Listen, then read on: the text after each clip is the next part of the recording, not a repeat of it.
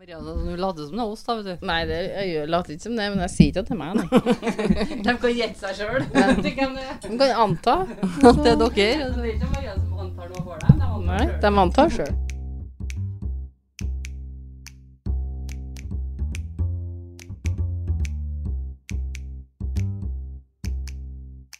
Hei, hei, alle sammen. Du hører nå på oss i Anonyme mørkeredde. Det er meg, Maria, og søstrene mine. Andrea. Martine. Den uka her skal vi ha første del av en todelt episode. Og det her, folkens, er sesongavslutninga vår, dessverre. Det er det. Og det er trist. Og det er kjempetrist. Men vi trenger litt tid til å finne ut hvordan vi skal gjøre det framover. Nå drar jo Andrea. See you later. See you never. I'm- never. I'm leaving this country. Jeg må bare si eh, una cerveza, por favor. Eh, vi har endt opp eh, veldig forsinka med alt eh, som er sånn podkastmessig, egentlig, så vi må ha en pause. Og komme oss litt frampå igjen. Vi vil jo ikke ha pause, men eh, vi er jo nødt til det, da. Vi må, vi må ta en pause. Ja, det, det Vi må ta en pause i pausen. Ja, vi må det. Glad sånn. Ja, dere skal ha en jingle. Ja. Shout-out to Dere kan få lage. Hvem er shout-outen? Vent, da. OK, begynner å ordne. Shout-out. Shout out. Shout-out. Shout out to somebody we care about. Shout-out. Shout-out. Det der er en sang. Jeg hører. Er det? Det vi sa? Vi hadde melodien. Melodien på en sang, ja. Shout-out. Shout-out. Ja. Somebody we care about. Nei, den var ny. Teksten er ny. Teksten er ny. Ok, men eh, vi skulle gi en shout-out til Lisa Lynette. Ja. Eh, Hei, som, hei. som catcha den eh, eh, Heter ikke Nikolai, heter Thea. Ja. Takk Men- for at du følger med. Ja, topp å høre. Mm. Kjempekoselig. Vi liker det. Vi liker veldig godt det. Håper at hun liker at vi shouter til. Håper hun liker at vi liker det. Håper hun liker at vi liker at vi liker at vi Ja. shouter til det. Ikke sant? Mm. Vi får håpe det. Krysser fingrene. You see me, Maria. Ja. I see you and I hear you. And they hear me. I denne episoden så skal dere få høre om en sak som er nesten 40 år gammel. Eh, Johnny Goosh. Det er en tolv 12 år gammel gutt som forsvinner når han er ute på avisrunden sin en morgen i 1982 i Iowa, USA. Og Johnny han blir en av de første ungene i USA som kommer på melkekartonger som Missing Children. Johnny Gush-saken er også noe som er referert til som en watershed case. Hva mener du med det? Eh, Det er en sak som får endringer til å skje. Enten politisk eller lovmessig, eksempel. Det kommer noen lover et, i etterkant Mm. av en sak. Det er en watershed case. Johnny Gush-saken er veldig kjent i USA, så det er meget mulig at noen har hørt om den her før. Send oss gjerne en melding om du har hørt den før. Jeg må advare lyttere om at det, er nevnt overgrep mot barn i de episodene her. Jeg kommer ikke til å gå inn på det sånn detaljmessig, selvfølgelig. Eh, men om du er spesielt sensitiv i forhold til det temaet, så ber jeg deg om å utøve forsiktighet med de episodene her. Eh, så det her er jo da en eh, todelt episode, folkens. Fordi eh, jeg må si med en gang at den saken her er litt sånn Pandoras eske-aktig. Når den er åpna, så er det masse informasjon som kommer ut her. Og jeg har ikke sjans til å gå over alt i den saken her. Jeg anbefaler dere som hører på, om dere finner denne saken interessant, så eh, undersøk den litt sjøl. Det er mange komponenter ute og går, og ikke alle kan jeg forklare så godt som jeg skulle ønske, da. Men jeg kommer med tips til hvor dere kan finne informasjon i slutten av eh, andre del, som kommer neste uke, og det ligger alltid kilder i episodebeskrivelsen om dere har lyst til å sjekke ut det sjøl. Da tror jeg bare vi starter. Mm. Noreen Gosh, mammaen til Johnny Gosh, er ei dame som ikke bare har bein i nesa, men hun står på for å holde liv i saken til en Johnny etter han forsvinner. Hun har også opplevd ganske mye i sitt liv. Noreen forteller i dokumentaren Who Took Johnny at hun vokser opp i Iowa. Hun gifter seg ganske ung med det som da er hennes første ektemann, og får to barn med han. Mannen hennes får uhelbredelig kreft, og Noreen og mannen får beskjed om at han kommer til å dø. Ikke lenge før mannen hennes dør av kreft, så blir byen deres truffet av en tornado som etterlater seg en by i ruiner. Noreen leter etter familien sin etter tornadoen, og finner dem ikke. Noreen forklarer at hun begynte å rive løs på det som er igjen av huset deres, og finner de to ungene sine liggende i ruineren av huset. Videre så sier hun at det begynte å regne, og det regna bøtta, og når regnet traff ungene, så begynte de å hyle. Det forklarer Noreen var som musikk i hennes ører, for det betydde at de ikke var døde. Bare to uker etter tornadoen hadde truffet, så dør ektemannen hennes. Noreen har to små barn og en voldsom sorg. Det er når dattera hennes spør skal du dø også, mamma, at Noreen velger å reise og fortsette videre med livet. Det var enten det eller å gå til grunne i sorgen hennes. Noreen reiser seg og bestemmer seg for at ungene hennes ikke skulle leve med følelsen av at de skulle miste mammaen sin også. Et par år etter det her så møter hun John, han som blir pappaen til Johnny, og de gifter seg og får Johnny ikke lenge etterpå. Og Johnny er født John David Goosh den 12. november i 1969 i Des Moines, Iowa, USA. Og han ble bare kalt Johnny. Pappaen hans heter, som jeg nevnte, John, og mammaen hans heter Noreen. Han hadde lyst brunt hår og litt fregner. Johnny jobba som avisbud på søndager, sånn som mange andre barn i samme område. Og Johnny ville spare opp penger til en moped, og var derfor at han endte opp som avisbud i første omgang. Johnny brukte som regel å gå avisrunden sin med pappaen sin, men søndagsmorgenen den 5. september i 1982 så hadde ikke pappaen blitt med. Så Johnny tok med seg familiehunden, en dachs som het Gretchen, og gikk alene når han dro avisrunden sin den morgenen. I AETV sin artikkel så forklarer de at uh, det går rundt en og en halv time fra Johnny skulle ha begynt på avisrunden sin, før en del kunder som savna avisa si, begynte å ringe hjem til foreldrene til Johnny og si at de ikke hadde fått avisa si levert. Først tenker John og Noreen at kanskje Johnny ikke har klart å komme seg opp, og derfor sjekker de rommet hans, men Johnny er ikke der. Faren til Johnny drar så ut for å se etter han, og i artikkelen Lost in the Heartland så beskriver de at faren finner den røde vogna til en Johnny full av aviser når han er ute og leter.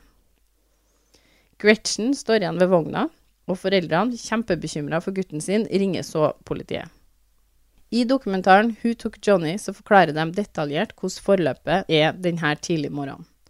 For etter de ringer politiet, så tar det politiet 45 minutter å komme til huset deres, selv om politistasjonen lå ikke langt unna.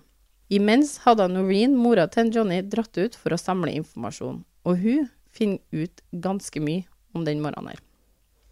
Politiet, når de kommer, lurer på om Johnny har rømt fra hjemmet sitt før. John og Noreen sier ifra at Johnny aldri har rømt hjemmefra, men politiet er ikke villig til å hjelpe til så mye før det har gått 72 timer. Hvor gammel er han her? Eh, Johnny er 12 år. Og så må det gå 72 timer? Ja, på det tidspunktet her måtte en eh, person, til og med eh, et barn, da, ha vært borte i tre dager før de blir ansett som savna. Så 72 timer, da. Det er jo helt bak mål.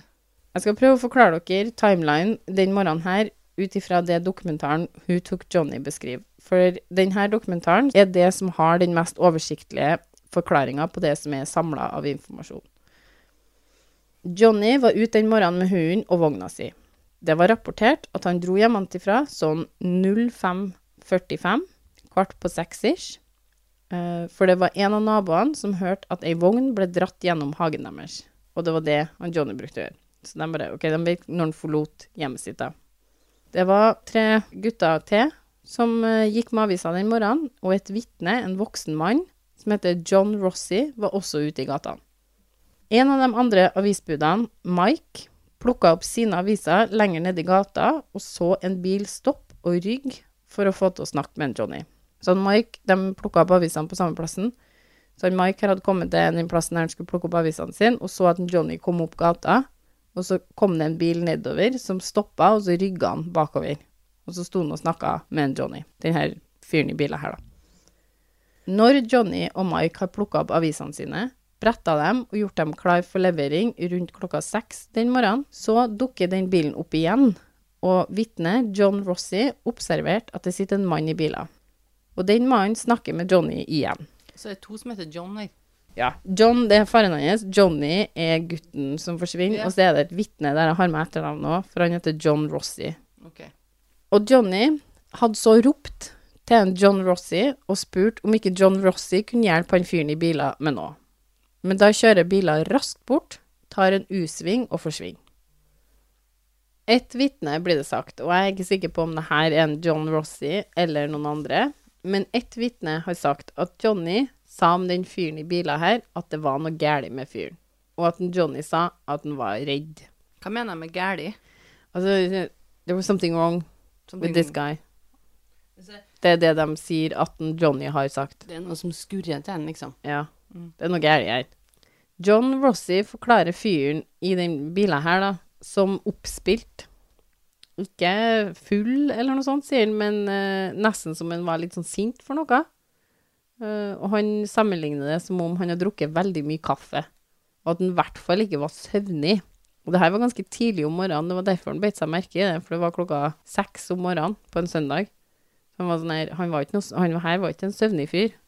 Han fyren i bilen hadde spurt om noe retningshjelp for å komme seg en plass. Så han hadde liksom spurt dem om kan du være så snill å si meg veien til en eller annen plass han skulle. Og det blir ikke ansett av politiet som så veldig rart at noen spør et avisbud om det. Politiet skulle gjerne ha fått eh, identifisert fyren uansett, og det blir laga ei skisse av fyren her, han i bilen. Bilen blir forklart som en blå Ford Fermount med to dører. Så en bil med to dører. Mike, den andre avisgutten som hadde plukka opp uh, avisene sine sammen med en Johnny, står igjen på hjørnet etter Johnny har gått videre og bilen har forsvunnet. Og observerer så at en mann kommer fram mellom to hus og følger samme vei som en Johnny går. De neste som ser Johnny, er to litt eldre avisbud som var på vei til å hente sine aviser. Og de hilser på en Johnny når han går forbi. Så går Johnny ned ei ny gate. Omtrent på den tida her så er det et vitne til, en som heter PJ Smith, som forklarer at han hører ei bildør bli lukka, og setter seg så opp i senga og observerer en blå og svart Ford Fermont starte opp i gata Johnny hadde gått ned sist han ble sett av de eldre guttene. Biler kjører ned gata og tar en venstresving, og når den bilen gjør det her, så kjører den rett gjennom et stoppskilt i samme slengen, uten å stoppe. Det blir forklart av faren til en PJ Smith i dokumentaren at vogna til en Johnny sto igjen rett nedi gata der. De samme to litt eldre avisbudene også rapporterer at de kommer ned samme vei etter de har henta sine aviser, og da ser de vogna til en Johnny full av aviser, men ingen Johnny. Så han har ikke klart å levere til en eneste en avis? Jeg tror ikke han har begynt ennå. Politiet har da ikke noe åsted, bare ei vogn med aviser, og det virker som om Johnny har forsvunnet inn i løse lufta. Politiet, som jeg sa tidligere, er ganske overbevist om at Johnny har rømt hjemmefra. Og det er nok derfor også det tar politiet 45 minutter å komme til Noreen og John den morgenen. Videre i dokumentaren Who Took Johnny så forklarer Noreen og John at politiet ikke anså Johnny til å være i noe fare, og politiet sier at det er foreldrene som må bevise at Johnny sitt liv er i fare for at saken skal tas videre. Må bevise? Ja. Hvordan skal de bevise det når ungen er borte? Nei, det er jo litt uh, vanskelig. Saken til Johnny skjer også før det er noe Amber Alerts i USA. Det er jo sånn som de setter ut når unger forsvinner, at, at alle sammen får beskjed. Ja. Det er et alarmsystem som ble satt opp i 1996, som fungerer som et tidlig alarmsystem for å finne bortførte barn. Amber står for America's Missing Broadcast Emergency Response, og Amber Alert ble laga i minne til Amber Hagerman, som ble bortført og drept ni år gammel i Texas. Amber Alerts avbryter vanlige program og sendes på radio, TV, digitale billboards, internett, reklameplasser og alle andre plasser du kan putte det. Så bare, de kan liksom gå inn, rett inn i et ja. program du kikker på, så får du bilde og info om det barnet som er forsvunnet. Sånn Så at, de eh, avbryter en sending. mm, og det her er et tidlig alarmsystem for at flest mulig skal få se ansikt, og de kan klare å finne dem fortest mulig, da. Eller hvis det er noen som prøver å ta dem med seg noen plass, og noen stopper, så har, har de sett bildet, da. Og det som jeg sa, kommer jo da ikke før i 1996. Så ganske mange år Etter. etter Johnny forsvinner. Men politiet ender opp med å bestemme seg for at Johnny ikke er kidnappa, sånn som foreldrene tror. Men han er savna, og da må man vente 72 timer før man kan begynne å lete skikkelig organisert etter han. Så det du sier nå, er at han viser seg å ikke være kidnappa? Nei, politiet ender opp med å bestemme seg for at han ikke er kidnappa. Ok, Politiet bestemmer seg for det, ja. Det skal sies at på den tida det her skjer, så er det ikke mange som tror at barn blir kidnappa. Det er som regel sånn at når ungene forsvant, så ble de antatt uh, som rømlinger, da, så at de hadde dratt hjemmefra.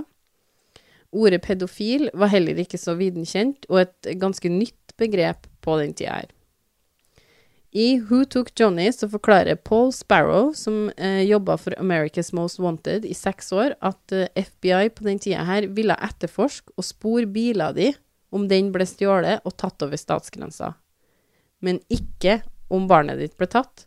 Da måtte man vente i 72 timer før det kunne registreres som savna. Og det var ikke noe sånn her nasjonalt samarbeid for å spore savna barn over statsgrensene heller. Altså så ikke statsgrensene, ikke liksom i hele USA gikk Det var ingen nasjonal samarbeid, så det var ingen system som satt det her liksom i Nå har det forsvunnet et barn i Iowa, liksom. Kan alle være på utkikk etter det? Men eh, det er ganske sykt, da, at de ville med en gang biler de har blitt stjålet, ha satt i gang et søk etter den. Men når ungen din ble borte, så satt de og klødde seg i hodet da, i 72 timer. Før de kunne gjøre noen ting. Fordi at ei bil blir fysisk ta det, det er regelen. For at ei bil blir fysisk tatt bort. Ja, den har ikke rømt noen plass. Nei, men en unge kan ha rømt. Men en tolvåring rømmer Altså, om den har rømt, da, så må dere jo finne den. En tolvåring kan jo ikke Lengste 72 timene i et mors liv, Det er også de mest kritiske timene. Ja, det vet vi nå, i hvert fall. Ja. Johnnys forsvinning skremte samfunnet rundt dem en del også, da. Veldig mange foreldre, ifølge en artikkel av Oxford Academic, fulgte ungene sine overalt. De ble fulgt til og fra skolen, og på de her avisbudrundene sine, for det var ganske mange unger som drev med denne søndagsavisgreiene. Og The Des Moines Register, som var denne søndagsavisa i Des Moines, jobba med å holde over 2000 unge avisbud trygge, og de begynte med periodiske sjekker i rutene deres. Så de sjekka liksom, de for ut og sjekka hvor de var på rutene, alt var du og alt du er her, og det er bra med deg. Ja. Og alle fikk ei nødfløyte, da, som de måtte ha med seg. Ja, de gjorde noe mer enn politiet, da. Bilene som ble observert, blir etterlyst. En blue over blue full-size car med Warren County, Iowa-bilskilt og en sølv late model Ford Fairmont med ei stor svart stripe på bunnen av biler. Bilene blir aldri funnet. Flere søk blir organisert etter hvert, men ikke mange i politiets regi. Mesteparten av dem som deltok, var frivillige i samfunnet som ville hjelpe familien så godt de kunne. Men alt det folket her hadde jo sine egne liv òg, og leteaksjonene dabba jo av til slutt. Og Noreen dro ned til politisjefen og spurte han når FBI kunne involveres. Politisjefen mener at det ikke er nødvendig med noe FBI, for han mener at det egentlig ikke har skjedd noe kriminelt her. Eh, og konflikten som bygger seg opp her, da, blir jo å følge den saken her i mange, mange år framover. For det skal sies, hun Noreen her, hun var og er den dag i dag en uh, Excuse my French, but a fucking force of nature, folkens. Hun lot ikke politiet være i fred. Hun lot ikke politiet glemme at sønnen hennes ikke lenger var hos foreldrene sine. Hun lot ikke politiet sitte på baken sin. Hun tok alle intervju, alle muligheter for å få Johnny sitt navn ut der, med bilde og omstendigheter. Hun fikk det her ut i media, sånn at han ikke skulle bli glemt, sånn at alle skulle vite hvordan han så ut, og derfor ville flere politifolk ikke jobbe med den saken her. Da, det skjønner ikke jeg. Hvorfor skal de jobbe mindre? Fordi de klarte ikke hun dama her. Hun Noreen, hun var liksom en Klarte pest ikke, ja. Hun og en en plage. Mm -hmm. Men de var sånn Altså, herre, you are too much, liksom. Det er jo Bare fordi de forventer at de skal gjøre jobben sin. Jobben til politiet er jo å følge opp også pårørende, da. Hun, Noreen hun blir framstilt ganske kald. Altså, hun, i, I media får hun ganske mye pes òg.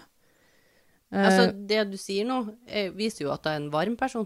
Men hun, hun vil jo sikkert også ha frem saken sin, så hun er ikke interessert i å stå der og skrike. Hun er sånn her, hør, dere må gjøre noe. Ja, Det hun er veldig sånn. ting. Ja. Vi kan ikke bare stå her med hendene Og hun er, hun er veldig kritisk. Hun er veldig sånn De har ikke Jeg kjenner at jeg blir litt rørt av Ja, men, men hun, er, hun er skikkelig badass. Altså, hun er sånn her de, de har ikke gjort jobben sin tilstrekkelig, folkens. Liksom. Vi kan ikke Nei. la politiet ikke gjøre jobben sin tilstrekkelig her. Nei, du får jo Det er jo som Martine sier, du blir litt sånn rørt der, for du, du, du hører jo frustrasjon i henne når du forteller. Ja. Det her, det, hun kjemper.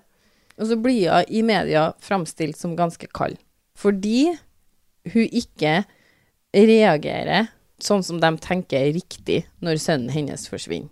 Mange forventa at Noreen som ei dame på 80-tallet skulle være gråtkvalt, ha litt sånn, være litt sånn handlingslamma og være litt sånn Å, hva gjør vi nå? Var det en forventning? Ja, de forventa litt mer det. Men det er jo for at hun her, hun, hun forventer jo noe av andre folk òg. Hun forventer jo at alle gjør jobben sin. Hun vil ikke bare sitte der. Hun har lyst til at det skal skje noe. Hun har Ja. lyst til å sitte hjemme og skrike for det her. Hun, Hun- det må skje noe. jobba på, og hun nekta å la seg verken kue eller knekkes også. Og Johnny sin sak blir nasjonale nyheter fordi Noreen ikke gir seg. Og hun gjemmer seg heller ikke bort. Altså, hun tar alle muligheter til å snakke med media. Hun gir intervju etter intervju, og hun mener og hun syns om politiet og det meste. Politisjefen uttalte seg i et intervju at han ikke brydde seg om hva Noreen mente eller tenkte i den saken her. De kommer jo da ikke veldig godt overens, de to her, da. Etter hvert så kommer det jo fram at 18 politibetjenter klager inn den politisjefen her, og han ender opp med å gå av som politisjef etter seks måneder etter de klagene her kom inn. Og de politibetjentene her, da, de påstår at han gjør arbeid etter han har drukket. At han hadde forstyrra etterforskninga som omhandla en av sønnene hans. At han hjalp venner med fartsbøtene sine. Og at han var rasistisk til tider.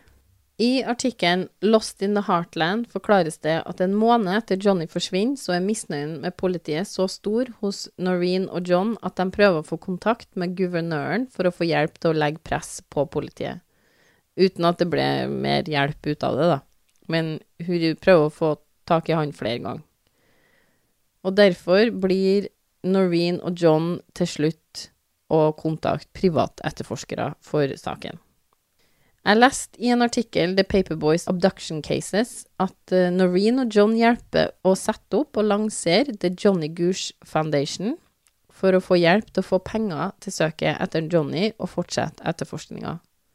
The Johnny Goosh Foundation drev også med en del sikkerhetsinformasjon for barn gjennom In Defense of Children-programmet sitt. Så det her er jo den foundation som jobber for uh, forhøya sikkerhet for barn. Og de prater jo en del om uh, pedofili, at det her faktisk eksisterer, at barn blir kidnappa, hva kan dere gjøre for å beskytte ungene deres? Og så var Noreen og John også med i 1984, to år etter Johnny forsvinner, sammen med flere foreldre av savna barn, og setter i stand The National Center for Missing and Exploited Children. De stoppa jo ikke der, da. Samme året jobba de med å få The Johnny Goosh Bill i Iowa til å bli godtatt. Og det er en bill som gjør det påbudt at politiet responderer med en gang et barn blir meldt savna. Og den ble da godtatt det året, 1. juli 1984, i Iowa. Så da ble de kvitt den her 72-timers-regelen. Og politiet ble påbudt å reagere med en gang og begynne etterforskningen med en gang hvis et barn ble meldt savna, da. For, for noen superhelter. Jeg leste også flere plasser at identiske eller veldig like bills som The Johnny Goosh-bilder ble godtatt i åtte andre stater i USA også. I artikkelen til Gina Dimuro så blir det forklart at to år etter Johnny forsvinner, så forsvinner en gutt til. Har det fortsatt ikke kommet opp noe rundt den saken? Er han vanished, liksom? Han er- Johnny er som fordufta, OK. og så forsvinner en gutt til. En Eugene Martin, og det er ikke langt fra det området Johnny forsvinner to år tidligere. Og det, han er i Des Moines-området, mm, og er ganske, de er ganske nært hverandre. Og de sier at det aldri blir funnet en kobling mellom de her to forsvinningene. Men på Iowa Cold Cases så står det at Eugene forsvant også mens han var på avisrunden sin en søndagsmorgen i august i 1984. Han var 13 år, og flere vitner forteller at Eugene blir sett mens han prater med en mann i noe de opplever som en vennlig samtale, mens han henter avisene sine. Så det er veldig likt. Nesten identiske saker her. Uh, og han er det heller ikke funnet noe spor etter siden.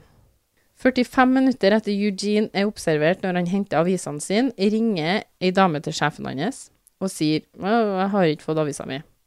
Hva skjer her? Sjefen tror at Eugene har forsovet seg, og drar til der han skulle ha henta avisene sine, og finner bagen til en Eugene med ti aviser klar for levering. Men ingen Eugene. Men når bagen er her, så betyr det at han har vært her òg. Ja, men sjefen leverer avisene sjøl den morgenen, og drar så til Eugene sitt hus og snakker med foreldrene. Faren til Eugene leter etter sønnen sin, ut, han springer ut og leter, men ender opp med å ringe politiet ti over halv ni den morgenen og melde savna. Han sjefen sa ikke med en gang, da. Nei, han leverte avisene først. Det er helt latterlig. Sorry meg. Ja, det, der var det noe som skurra litt også. Ja. Og responsen til denne forsvinninga er jo da forskjellig fra Johnny sin. Fordi Noreen og John har fått denne Johnny Goosh-bilen eh, godtatt i Iowa bare måneden før han Eugene forsvinner.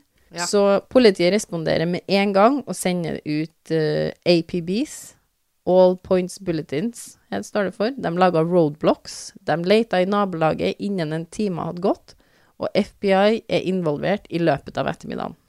De undersøker mange, mange tips i saken til en Eugene, men de finner aldri noe av betydning. Så sånn som Johnny sin sak, så blir Eugene sin sak også kald.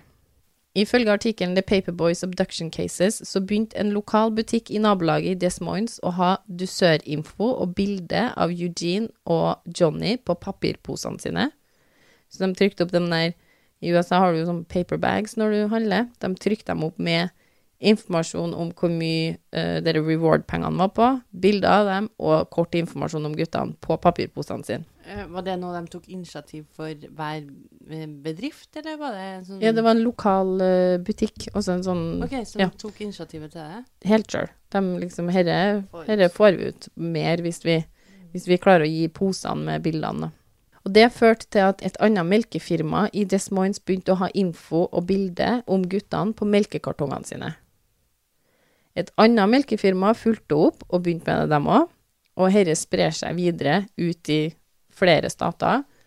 Og i januar 1985 så begynte det nasjonale Missing Children Milk Carton Program av det her.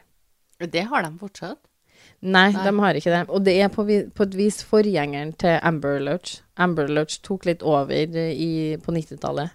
Mer Fordi du får ut informasjon enda bedre og mer, og får den spredd fort og alt. Så det er avvikla. Det er um, Missing. Children Milk Carton Program, som det heter da. Men de har jo holdt med det en stund, for det er jo med på filmer og sånn.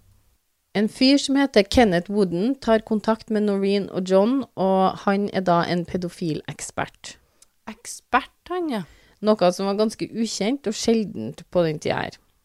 Og han sier i dokumentaren Who Took Johnny at det er helt klart for han at Johnny ikke rømte hjemmefra om hunden fortsatt sto igjen ved vogna når de fant vogna.